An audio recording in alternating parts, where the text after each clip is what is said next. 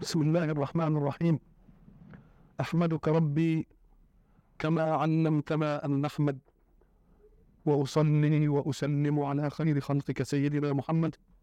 وبعد فقد انتهينا في اللقاء السابق إلى أن الله جلت قدرته حينما استهل سورة البقرة المدنية بحروف مقطعة هي ألف لام ميم. بينا خواطرنا التي شاء الله أن يلهمنا إياها حول هذا الاستئلال بالحروف المقطعة أو بالتحقيق بأسماء الحروف المقطعة. وانتقلنا بعد ذلك إلى الإشارة للقرآن في خطاب إلى رسول الله أو خطاب إلى كل مستمع عن الله من أتباع رسول الله. وقلنا مزية البعد في قوله ذلك لأن ذلك يدل على سمو مكانة الكتاب سموا بعيدا عن مدارك البشر. وقلنا إن كلمة الكتاب في ذاتها تدل على أن المكتوب أمر عني به عناية تحفظه وعناية تسجله حتى لا يضيع. ولا يحرص على تسجيل شيء إلا إذا كان نفيسا. كذلك كان الشأن في عرف كتب البشر. فما بالك بكتاب يتكلم فيه الله؟ ولذلك قلنا إن ذلك الكتاب معناه أنه الذي يجب أن يطلق عليه بحق الكتاب. كما تقول ذلك الرجل مع وجود رجال كثيرين أي أنه الوصف الحقيقي الذي لا ينطبق إلا على هذا وقلنا بعد ذلك لا ريب فيه والريب هو نفي الشك. والريب هو الشك والقلق في النسبة فإذا ما نفي الريب فقد نفي من باب أولى كل نسبة لا تؤكد الجزم بالقضية كالظن وكالوه وقلنا لا ريب فيه أيضا لأن الكتب التي سبقت تناولها شيء من التحريف شككنا فيها.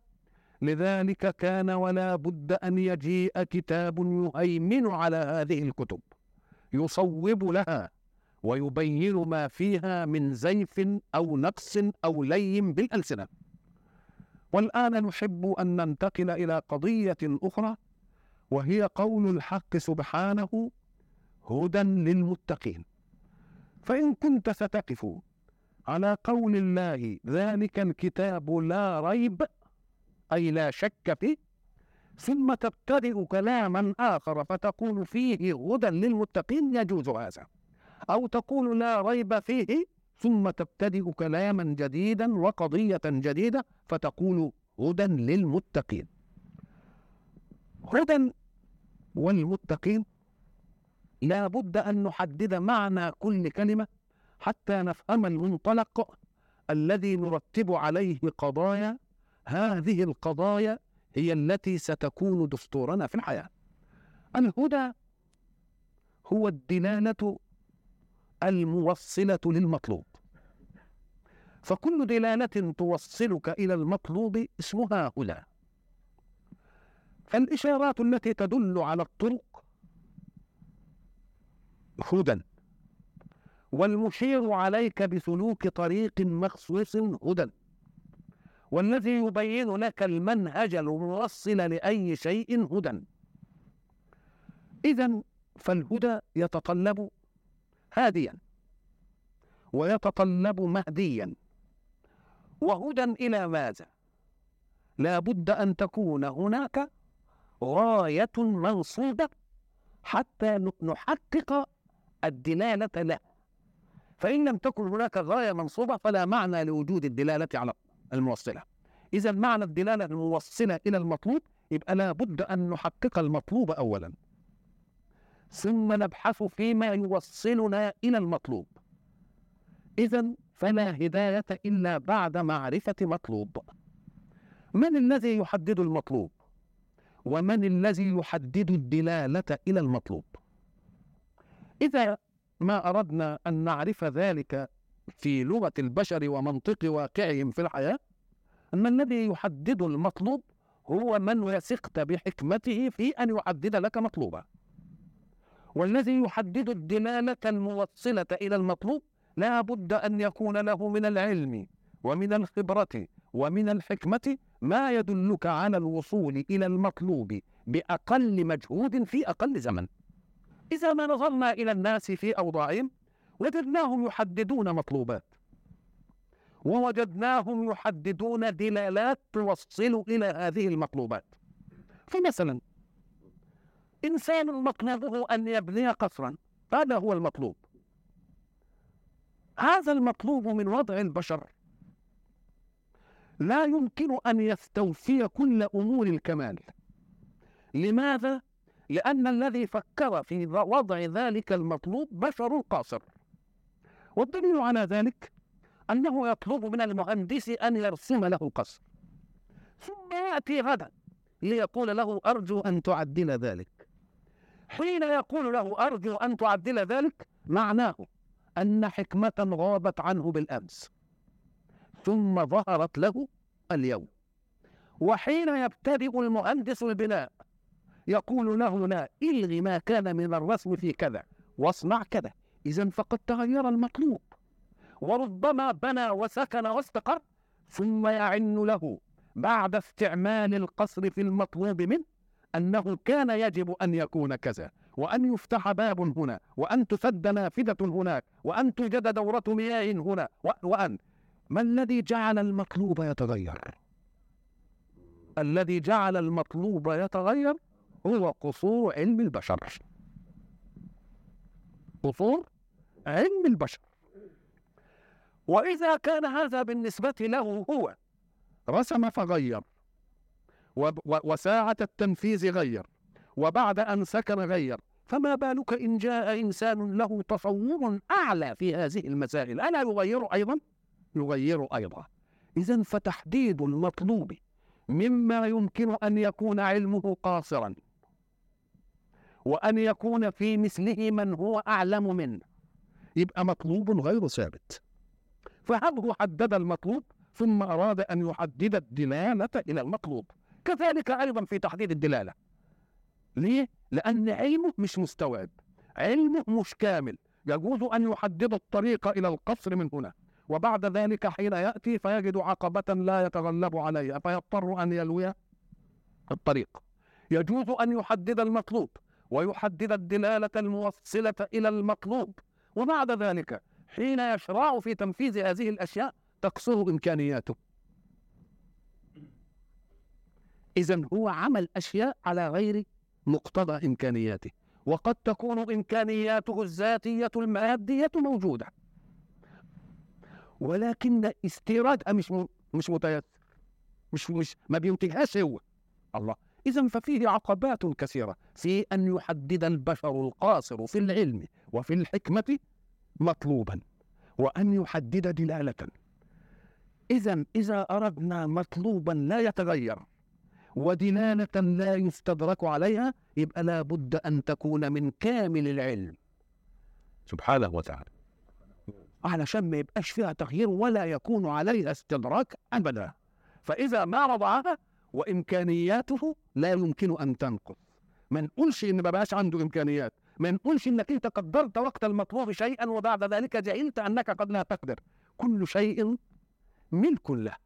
إذا فإذا حدد مطلوبا فلا استدراك على مطلوبه. وإذا حدد دلالة موصلة إلى المطلوب فلا استدراك على هذه الدلالة. ولذلك يقول الحق لينبهنا إلى هذه القضية إن الهدى هدى الله. فكل هدى سواه مستدرك عليه. كل مطلوب تنصبه كغاية من الممكن أن يتغير. كل دلالة توصل إلى غاية من الممكن أن يتغير. لكن إذا كان المطلوب من الله هو الذي حدده والدلالة من الله وهو الذي حددها فلا استدراك لخلق الله على ما قدر الله مطلوبا ودلالة إذا فقول الحق إن الهدى هدى الله يريد أن يلفت خلقه. لا تضطرب في المتغيرات. كل متغير لا ينشأ عنه إلا متغير. فإن أردت باقيا فخذ من الباقي. إن أردت ثابتا فخذ من الثابت. إن أردت حكمة لا يستدرك عليها فخذها من الحكيم المطلق. وخاصة أن الذي حدد المطلوب وحدد الدلالة على المطلوب لا غرض له في المطلوب ولا في الدلالة. وكل الذين يطلبون شيئا أو يعددون الدلالة إلى شيء قد تسرقهم أهواؤهم من غير قصد. حين تسرقهم أهواؤهم من غير قصد يفسد كل تقنين لهم. لذلك كان تقنين البشر في تحديد مطلوب للحركة في الحياة وتحديد دلالة موصلة إلى هذا المطلوب دلالة قاصرة. لا نتهم من يضع ذلك ربما كان مصلحا. ولكن لا نحمله فوق طاقة قدرته وفوق طاقة حكمته ولا يمكن أن نبرئه أيضا من إيه؟ من هواه في أن يفيد مما قنن إذا قول الله إن الهدى هدى الله قضية. قضية يجب أن يتنبه لها الكون كله. حتى لا تستدرك على مطلوباتهم مطلوبات وحتى لا تستدرك على دلائلهم الموصلة إلى المطلوب دلائل. لأن الذي يعوق حركة الحياة هو أن يأتي متغير ليغير لمتغير. لأن ذلك لن يعصمه أيضا أن يأتي متغير أيضا ليغير وبذلك تصبح الحياة كلها لا استقرار فيها ولا أمن بل تظل دائما مضطربة. وما دامت الحياة تظل مضطربة فلا أمن فيها لأن القلق سيكون سائلا. إذا فقول الله هدى أي دلالة موصلة إلى المطلوب يبقى الله هو الذي حدد المطلوب. والله هو الذي حدد الدلالة. يبقى إذا ده أكثر طريق لبلوغ الكون سعادته فالذين لا يأخذون هذه القضية مأخذ التسليم المطلق يتعبون أنفسهم ويتعبون الحياة ويتعبون الأحياء. قول الله هدى لمن؟ للمتقين. نريد أن نفهم متقي يعني إيه؟ متقين جمع متقي. معنى متقي يعني إيه؟ متقي من الوقاية. الوقاية هي الاحتراز عن الشر. قوا أنفسكم وأهليكم نارا. يعني أعملوا لكم بينكم وبين بعض إيه؟ ومن عجيب أمر هذه التقوى أنك تجد الحق وهو متكلم واحد. يأتي فيقول اتقوا الله. هو يقول مرة اتقوا النار. عجائب. يقول اتقوا الله ويقول اتقوا النور. الله كيف الاثنين دول؟ الله والنار. نتقي دي ونتقي دي إزاي؟ لما قال لك لأن أصل التقوى ما دامت الوقاية. الاحتراز عن الشر فقولك اتق النار معقول. يعني ما تعصاش ربك عشان ما تدخلش النار تبقى عملت بينك وبين النار وقاية. طب ولكن قل لي بالله كيف أرى بيني وبين ربي وقاية؟ مع أن المطلوب مني أن ألتحم دائما بربي. أم قال لك الحق سبحانه وتعالى؟ له صفات جلاله وصفات جماله. صفات جماله هي التي تراها في البسط تراها في الرحمة تراها في العزة. الله. وصفات الإيه؟ الجلال. تقوم تلاقيها في القهار في الجبار في البطش. فكأن الحق سبحانه وتعالى يقول احذر أن تمسك صفات جلالي. واو. احذر أن تمسك صفات جلاله لأنني لما أقول لك احذر النار. النار من متعلقات أو أفعال صفات الجلال. فإذا كنت تقي نفسك النار وهي من متعلقات صفات الجلال يبقى لأن تقي نفسك من صفات الجلال أولى. ليه؟ قال لك لأن النار دي يمكن يعني نوع من العذاب. يمكن صفات الجلال لها حاجات تانية. يبقى أنا اتقيت النار لأنها من إيه؟ من من طواعية صفات الجلال. فكأن الله حينما يقول لك اتق النار لا يتناقض مع قوله اتق الله. أبدا. اتق الله اجعل بينك وبين غضبه وقاية. لأن غضبه سيؤدي بك إلى النار اللي أنت عايز تتقي منها. تبقى هي المعنى هو واحد. يبقى الم... نعم. يبقى الغاية واحدة. يبقى اتقوا الله زي إيه؟ زي اتقوا اتقوا النار. ولذلك يتجلى هذا حينما يقول يقول صلى الله عليه وسلم إذا كان آخر ليلة من من رمضان تجلى الجبار بالمغفرة. كان المنطق يقال إيه؟ كان الم... تجلى الرحمن بالمغفرة. هو ربنا ملوش إلا صفة الرحمن. ده له صفة القهار وصفة الجبار وصفات تانية كيف تأخذ صفة من صفات الله مجال صفة أخرى؟ وتصيب صفة الجبار والمنتقم كده يعني لوحدها كده؟ آه. ده ما دام فيه ذنوب يبقى المقام لصفة إيه؟ لصفة الجبار. فكأن صفة الغفار تشفع عند صفة الجبار. تنصفة تقول لصفة الجبار المقام لك فلك أن تنتقمي. ولكني أنا صفة الغفار أشفع لك يبقى المقام لمين بقى؟ يبقى المقام للجبار. يبقى المقام للجبار. تجلى الجبار بالمغفرة. وانظر حلاوة المقابلة. حينما يتجلى الجبار بجبروته بالمغفرة. شوف العظمة بقى. ساعة ما تيجي كلمة جبار دي تخوف. وبعدين تيجي مغفرة. الله. أهي دي تديك حكاية اللي كنا بنقول عليها زمان. فمن زحزح عن النار وادخل الجنة فقد فاز. ساعة ما تشوف تسمع كلمة الجبار دي تنخلع. وبعد ذلك يقول بالمر إيه تجلى الجبار بالمغفرة فكأن صفة لم تسلب مجال صفة. وكل صفة من صفات الله واخدة مجالها. يبقى المقام لمين؟ المقام للجبار. تيجي مثلا ولله المثل الأعلى. افرض إن واحد موظف أساء. وبعدين فيه رئيس من الرؤساء اللي دون الأعلى بيحب الموظف ده. ورئيس ثاني الموظف هذا أساء عنده. فالموظف الآخر لما يروح يشفع يبقى سرق مين؟ سرق إيه؟ سرق اختصاص المو... المو... الرئيس اللي عايز يعاقب ماذا يكون الموقف بعد ذلك؟ لما يجي الرئيس المحب للموظف الصغير ويسلب اختصاص الرئيس الذي عاقب عند الرئيس الأعلى إيه الموقف يكون؟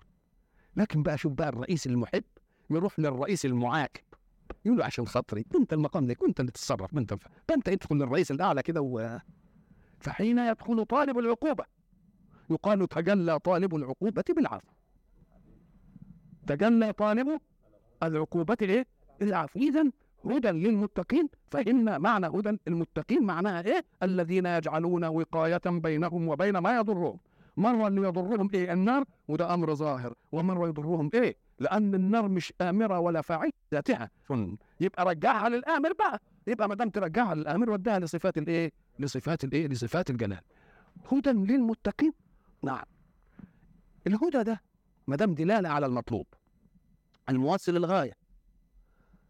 قلنا إن الهدى هدى الله لأن هو ده اللي يضع المطلوب. بالله. لو أن الناس بكمالات العقول فيه وبتصعيد رشدهم في العبقريين. حبوا يعملوا غاية للإنسان يسعد بعدها كده ولا يجيلوش شقاء ولا متاعب. ويقعدوا يتخيلوا يعملوا له جنة كده. يعني حاجة كده يقعدوا فيها. أيقول بخاطرهم أن يطعموه ولا يجعلوه يفرز شيئا؟ والله تيجي على البال دي تيجي. إزاي ما تجيش على البال مش ما يقدروش. اذا فلو أنهم حددوا المطلوب لقصروا بالنسبة للطالب نفسه. فكون الله هو الذي حدد المطلوب يبقى ده؟ دي قمه النعمة. ما تركش لنا إحنا نحدد مطلوبات. وتركش لنا إحنا نحدد دليل إلى هذه المطلوبات. فرحمنا وقال من عندني كله لأنني ماليش هوى ماليش هوى إن الهدى هدى إيه؟ هدى الله. ما دام الهدى هو الدلال على المطلوب القرآن هدى ولا هادي؟ القرآن هادي. لكن كلمة هادي دي زي رجل عادل. قاض عادل. يبقى في قاضي له إيه؟ صفة. من الجائز للصفة أن تنحل بعد الشيء عن الموصوف وجائز يجي له هوا كده فما قالش القرآن هادي. القرآن هدى محض ما يحضرش تغير أبدا. زي ما تقول ده رجل عدل. مش عادل. لا ده رجل عدل. عدل آه ما يمكنش يحصل له إيه؟ آه أبدا. يبقى لما أقول هدى للمتقين أبلغ بكثير من أن يقول إيه؟ هادي للمتقين. طيب نشوف كده. هل هو هدى دل للمطلوب دل بالدلالة الموصلة للمطلوب للمتقي ولا للمتقي وغير المتقي؟ هل دل الله على طريق الخير المتقين فقط؟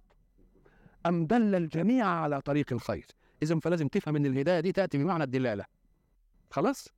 وما دام تأتي بمعنى الدلالة يبقى كلمة متقين مش المتقين بالفعل لأن المتقي بالفعل كيف يكون هو هدى الله؟ ده هو جائز. آه يعني يا من أردت الاتقاء القرآن فيه الإيه؟ الهدى بتاعك. طب واللي ما أردش الاتقاء؟ وساب نفسه كده. برضه القرآن هيبقى هدى له. يعني إيه؟ هو الدلالة منصوبة ما قالش لمين للجميع. فالذي أحب أن يتقي هو اللي راح للإيه؟ لله. يبقى كأن الهدى من الحق هدى للجميع. هدى الناس جميعا دلهم ثم خص من آمن به بهداية أخرى. هذه الهداية هو أن يعينه على الطاعة وأن يكره إليه الكفر والفسوق والعصيان وأن يحبب إليه الإيمان. يبقى اذا في ولذلك بقى علشان لما تقرأ القرآن بقى جيت عند ماده بقى ما تجدش فيه اضطراب. يقول الحق سبحانه وتعالى أما ثمود فهديناهم فاستحبوا العمى على الهدى. الله. يبقى أنا هديتهم ولا هدوش. يبقى هديتهم بمعنى إيه هنا؟ أنا دلتهم على الطريق. لكنهم استحبوا العمى يبقى دي هدى إيه؟ هدى الدلالة. يبقى اذا قول الله في آية أخرى والذين اهتدوا. زادهم هدى. يديهم معونة بقى. يحبب لهم بقى الطاعة. يكرههم في المعصية. الله.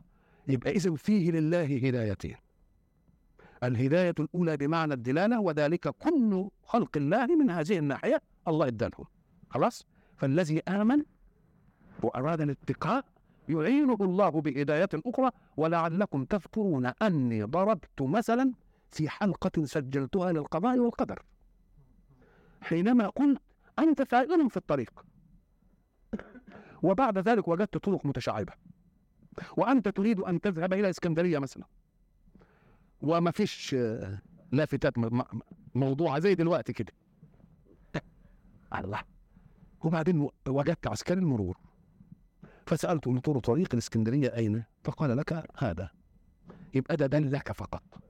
وأنت حر أن تسلكه أو لا تسلكه هب أنك بأدب شكرت الجندي وحمدت الله أمامه على أن يسر وجوده لك حتى لا تضل ماذا يكون موقف الجندي بالنسبة لك؟ يقول لك طيب ده الطريق ده صحيح هو الموصل بس على بعد كيلو في عقبة وتحتاج إلى شيء من المهارة كده في إنك تنفذ منه والله لا جاي وياك إيه؟ آه يبقى نقل الهدايه من الدلالة إلى المعونة. لمن؟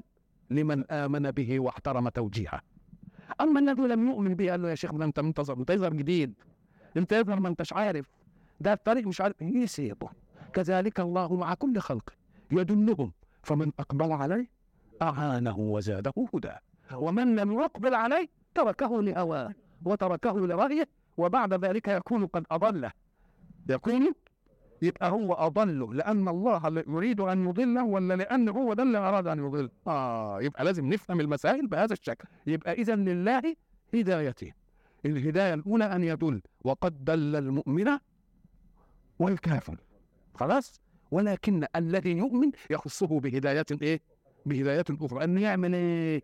أن يهون عليه صعوبة الطاعة. وأن يكفيه شراسة الشهوة. وأن يحبب إليه كل عمل في الإيه؟ في الخير تبقى دي اسمها هداية إيه؟ هداية لذلك تجد علشان بقى تبقى المادة مخدومة عندك لما تقرأ القرآن بقى وتيجي هذا اللفظ قدامك يبقى ما تجدش عقبة في الفهم يوم تيجي تقول ربنا بيخاطب النبي عليه الصلاة والسلام يقول له إيه؟ يقول له إنك لا تهدي من أحببت مش كده؟ نفى عن رسول الله أن يكون هاديا لمن أحب مش كده؟ وكيف يقول بعد ذلك وإنك لتهدي إلى صراط مستقيم. دي نفت الهداية عن مين؟ عن رسول الله. ودي عملت إيه؟ أثبتت له الهداية. ك- من من كلام واحد من إله واحد في قرآن واحد. معقول بقى كده إنه يجيب الآيات دي كده علشان بعدين يجي أي واحد يتفلحس يقول القران متضارب؟ فلو كان من عند غير الله لوجدوا فيه اختلافا كثيرا. بيقول له لا في حاجة بتحل الإشكالات دي. يجب أن يتنبه لها السامع يجب أن يتنبه لها المتدبر للقرآن. إيه هي قال لك في حاجة بيسموها انفكاك الجهة. انفكاك الجهة يعني إيه؟ يعني الجهة دي اللي نفت غير الجهة اللي أثبتت. غير الجهة اللي إيه؟ اللي أثبتت. تقول له مثلا فلان حليم وفلان قاسم. نقول له ما دام وصفت واحد من الوصفين اتنين الاتنين دول يبقى لازم الجهة منفكة. الجهة يعني ما يطرقوش على حاجة واحدة ابدا. ما دام الكلام من عاقل يبقى مش ممكن يكون على إيه؟ على جهة واحدة ابدا. ربنا لما قال لرسوله عليه الصلاة والسلام في غزوة بدر الرسول أخذ حفنة من الحصى ثم رماه فأصابت الجيش. فقال له إيه؟ وما رميت إذ رميت. الله. ما رميت. نفي ام إثبات؟ نفي إذ رميت إثبات. الحدث واحد هو الرمي. والمسند إليه واحد هو سيدنا رسول الله صلى الله عليه وسلم. والمتكلم الله. مفهوم؟ يبقى اذا الرمي واحد. والمسند إليه الرمي سيدنا رسول الله. والمتكلم واحد. مش واحد قال ما رميت. وواحد تاني جه قال رميت؟ لا اللي قال واحد. ادي واحدة. الرمي مش من واحد. ما رميت أنت ولكن رمى أبو بكر. كلام ماشي. لا ده الرامي واحد. الله. يبقى إزاي دي؟ والكلام من حكيم. وبيقول أنا بتحدى بالكلام. يعني بينبهنا إلى إننا ندور لحاجة ضعيفة كده عشان ننقذ التحدي ده. مش كده ولا لا؟ يبقى لازم حاططها. وهو على ثقة من أن العقل المتدبر سينتهي إلى حكمة ذلك النفي. وحكمة ذلك الإثبات من متكلم واحد حكيم هو الله خلاص لحدث واحد هو الرمي من فاعل واحد هو محمد رسول الله. إزاي بقى؟ طب دي تيجي إزاي؟ قال لك يا أخي أنت تستعمل هذا الأسلوب في حياتك. بس افتنا إننا ساعة نستعمل أساليب حياتنا بننسى لما نيجي نتعرض لشيء اللي إحنا بت... ده, ده أنت بتعمل كده. إزاي؟ عندك ولد. أتعبك في نظام جده في الدروس. فقعدت له في البيت وقلت له اقعد ذاكر فالولد خد الكتاب وقعد في المكتب وانت قعدت في الصالة قباله كده وفتح الكتاب وظل يقلب صفحاته ويهتز ويحرك شفتيه. فأنت قلت الولد إيه؟ يذاكر بعد ذلك بساعة قلت له هيا تعال لأختبر ما ما ذاكرت. فتسأله فلا تجد حصيلة. تقول له ذاكرت ما ذاكرت. ذاكرت وما ذاكرت. ذاكرت يعني إيه؟ يعني فعلت الشكلية للمذاكرة. إنما موضوع المذاكرة اللي هو الاستيعاب والتحصيل فلن تهن أهو كذلك. قال له أما أنت رسولي فقد رميت صحيح. جبت شوية حصى بإيدك كده ورميتهم. دي ما فيش كلام. إنما هل قدرتك توصل حفنة الحصى إلى كل الجيش؟ هي دي مش شغلتك بقى؟ ما هي شغلتك أنت دي؟ فكأنه قال له أنت رميت يعني فعلت شكلية الرمي. كده؟ لكن أنا اللي رميت. ليه؟ لأن إيصال حفنة الحصى. للجيش كله؟ ما هي شغلتك دي؟ ما تجيش منك أنت. إنما أنت رميت رميت. عملت اللي عليك صحيح. وما رميت إذ رميت. يبقى إذا ولكن أكثر الناس لا يعلمون. يعلمون ظاهرا من الحياة. فنفى إيه؟ يبقى الجاء منفك يبقى ما لا يعلمون إيه؟ يبقى لا يعلمون حقيقة الحياة وإن علموا ظاهرا إيه حياة فإذا رأيت فعلا أي حدثا قد نفي عن واحد وأثبت له فاعلم أن الجهة منفكة. الجهة منفكة. لما يجي بقى يقول له نرجع إلى موضوعنا في الهدى. إنك لا تهدي من أحببت. يبقى نفع عنه الهدى. وإنك لتهدي أثبت له الهدى. مش كده؟ يبقى إنك لا ت... الجهة إنك لا تهدي توصل الهداية إلى القلوب. عند شغلة ربنا وإن كنت تهدي تدل بتقول لهم دي كذا ودي كذا ودي كذا ودي كذا. فأنت من ناحية الدلالة هاد ولكن من ناحية المعونة لست هاديا. يبقى إذا إيه؟ الاثنين. يبقى إذا إذا جيت بقى وقرأت القرآن واستعرضت كل كلام الإيه؟ الهداية تبقى تعرف إن الهدى هو الدلالة الموصلة إلى المطلوب. يبقى لابد أن يوجد مطلوب أولا. حتى نضع له دلالة توصل إليه. والمطلوبات إن حددت بالمتغير متغيرة. والدلالات إن حددت بالمتغير تبقى متغيرة. ولا يمكن أن يصل المتغير إلى كمان إلى كمان يخلد أبدا. إذا فمن عقل من العقل ومن الحكمة ومن الزكانة للإنسان إنه ما ياخدش مطلوبه. ولا دلالة مطلوبه من متغير مثله. وعلينا جميعا أن نأخذ إيه؟ المطلوب والدلالة على المطلوب من الله وبذلك نكون قد إيه؟ قد أرحنا أنفسنا لأن الله أطلقها قضية قرآنية إن الهدى هدى الله. فكأن أي هدى غير ده مش ممكن إيه؟ مش ممكن ينتهي. هدى للمتقين؟ إيه هم المتقين دول؟ صحيح جعلوا بينهم وبين النار وقاية وجعلوا بينهم وبين غضب الجبار وقاية فالتقى المعنى يعني. مين هم دول؟ نعم إيه يا إيه؟ هي قال إيه بقى نقرأ كده. هدى للمتقين الذين يؤمنون بالغيب. يؤمنون؟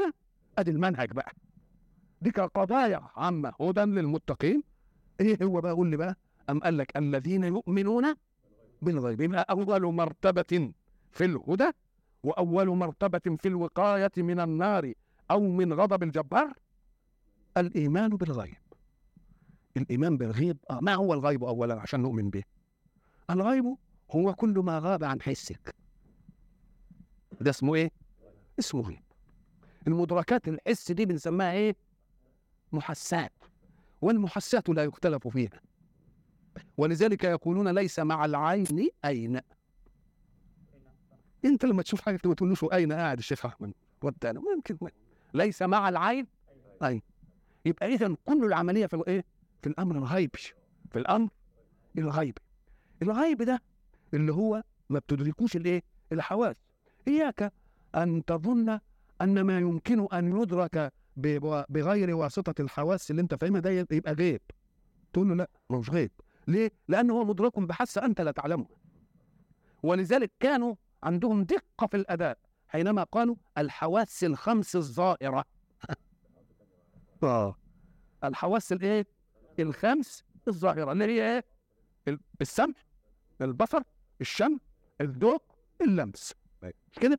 قالوا قالوا الحواس الخمس الظاهرة كأن ده هم تنبهوا لأن بندرك أشياء إنما ملهاش حاسة قدامنا. إزاي مثلا؟ طيب أنت لما تيجي تشيل حاجة كده وبعدين تمسك تشيل حاجة تانية كده تقول هذه أثقل من هذه.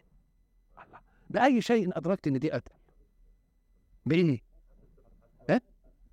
عشان لازم حسس أنت ما تعرفهاش إنما أدركت ولا ما أدركتش. بيسموها دي بعدين غير فوق لك حاسة العضل لأن عضلك أجهد في هذه أكثر من إجهاده في هذه. فعرفت بالدقة إن دي إيه؟ إن دي ما تقولش اللمس. لأن كان يكفي بقى إن كان كده. طب المس دي والمس دي وقول اللي أدى ما ينفعش. ممكن. تبقى دي اسمها حاسة إيه؟ يبقى دي اسمها حاسة العضل طيب. افرض أنت قاعد مثلا كده أو دخلت محل قماش لتشتري سوا وعايز بوبلين رقيق كده وبتاع تقوم تمسك التوب وتعمل كده؟ تحطه فين؟ انت عملت كده؟ لا دي تدرك النعومة فقط. إنما تشوف جايب عامل إزاي؟ بتدرك البينية. تحطه بين اناملك مش كده؟ وتعمل كده. تقول له لا لا. دي أكل. الله. ما اي حاسه اللي أدركت ال ال ال السوق الذي ينحسب بال بالميكروين ده ولا بيسموه إيه؟ إيه الحاسه دي تقول لا دي. إزاي دي؟ بقى بمجرد اناملك كده لازم اناملك تاخد الشيء بين بعضه كده. كل ناتجة للأسف أيوة دي أراك. بأي شيء أدركت هذا. مين اللي حدد البعد بين الدين وبين دين وبعد ذلك قالت لك دين اسمها حاسة البين البين البينية. حاسة البينية دي. الله الله. حاجة حاجة حاجة عجيبة. ولذلك تلاقيها حكمها إيه؟ لا يخطئ ابدا. ولا عندك مزورة ولا عندك ورنية عشرية ولا عند ابدا ولا عندك بتاع الميكرون اللي هو واحد على على مليون من الإيه من المنه ما عندكش حاجة من وتستطيع أن تحكم على حاسة البيت. طب حين تجوع بأي شيء أدركت أنك جوعان؟ أحسست إنك جوعان ولا لأ؟ طيب بأي شيء أدركت أنك جوعان؟ اذا برضه فيه؟ أداة من أدوات الإدراك بس أنت مش عارفها. وعطشت. مش كده؟ بأي شيء أحسست أنك عطشان. وقد ياتي الحس لينقذك من النوم. عطشت تلتفت إليك قايم واقف ولا فيش مسألة الله؟ آه مسألة عجيبة. آه. إذا ففيه ملكات في النفس وفيه إدراكات في النفس. هذه الإدراكات لا يعلمها إلا خالقها. ولذلك حينما يأتي البشر عشان يقننوا للنفس ماذا أدركتم من ملكات النفس؟ انكم لا تعلمون إلا ظاهرا من الحياة. في أشياء كثيرة جدا ما تعرفوهاش. فإذا ما أردتم أن تقننوا. إذا قننتم لما تعرفون من جوانب ملكات النفس؟ تبقى الملكات اللي ما تعرفوهاش من يقنن لها؟ دعوا من خلقها ليقنن لها. دعوا من خلقها ليقنن لها. مالكش إيه؟ افتيات على الخالق. اذا ففيه إيه قلنا الحواس كثيره الحواس إيه؟ متعددة. أنا لا أذكر جبت الأمثال دي علشان لا. الذين يؤمنون بالغيب. يبقى اذا ففيه محسات إياك أن تقول إن لما واحد يدرك حاجة ما تدركش بالحس أنه يعلم غيبا بقى أنا لما أعطي لولد تمرين هندسي يحله وبعدين جاب لي الجواب أقول له علم غيب؟ ليه؟ لأن موجودة مقدمات توصل ما يبقاش غيب ولا أي حاجة. ها؟ آه آه ما يمكنش ما يبقاش غيب ده. آه لما يجي مثلا دلوقتي مثلا يقول لك وبكرة هتمطر على الساحل ومطر خفيف وتيجي رياح مش عارف إيه. وإن كان في بعض الاحايين يقلب الله لهم الأوضاع. لأنه أدخل شيئا لم يكن في حسابهم. يمكن حريقه تحصل في مكان. تقوم عاملة تفريغ في الجو وتروح خلى نظام الإيه؟ نظام الريح. يدخل نظام الريح ونخلي نظام المطر ونخلي كل حاجة. أنا بتكلم على أنها إيه؟ ما فيش حاجة جت خلت النظام. وقالوا بكرة يمطر مطر ما تفتكرش ان ده غيب؟ لأن المحكوم بمقدمات نتائج. تبقى ما فيش غيب. مفهوم ولا لا؟ إذا لا لما تيجي الواحد من اللي يضحكون على الناس. ويقول لك أنا أقول لك اللي مش عارف إيه وبعد ذلك يقول لك اللي, اللي انسرق منك في الحتة مثلا في اللي هرب أو أقول لك اللي معاك قد إيه أو أقول لك كذا تقول ده مش غيب. ليه؟ لأنه يشترط في الغيب ما يكونش معلوم لمثلك. هو معلوم معلوم لمثلك. طب ما هو اللي سارق واللي عاين عارفين مكانها ها؟ لما يجي بوليت سري ولا زيت يقدر يجيبها لك. طب فإذا كان في عوالم تانية جن ومش عارف إيه وأخف حركة مني وبيتغلغلوا أكتر مني ويجي يقول لي يبقى ده غيب ده لا مش غيب ولا أي حاجة. فالانسان ما يجيبش يجي واحد مثلا يقول لك اللي معاه يقول لك طب ما يقدر من جنود الله اللي موجودين؟ اللي هو يراني ولا أراه إنه يراكم هو وقبيله من حيث لا ترونه ويجي يقول لي على حاجات. يبقى ما مش غيب. مفهوم؟ الذي ابتكر سرا من أسرار الوجود في الكون. يقال له أنه اطلع على غيب؟ نقول له لا ما اطلعش على غيب. واكتشف موجودا له مقدمات بحيث إذا سار من مقدمة إلى مقدمة إلى مقدمة وصل إلى وصل إلى ذلك. يبقى اذا ما هوش إيه؟ ما هوش غيب. أسأل الله سبحانه وتعالى أن يعلمنا عنها وأسأله أن يديم علينا نعمة الإيمان به والاستمداد منه وإلى لقاء آخر إن شاء الله.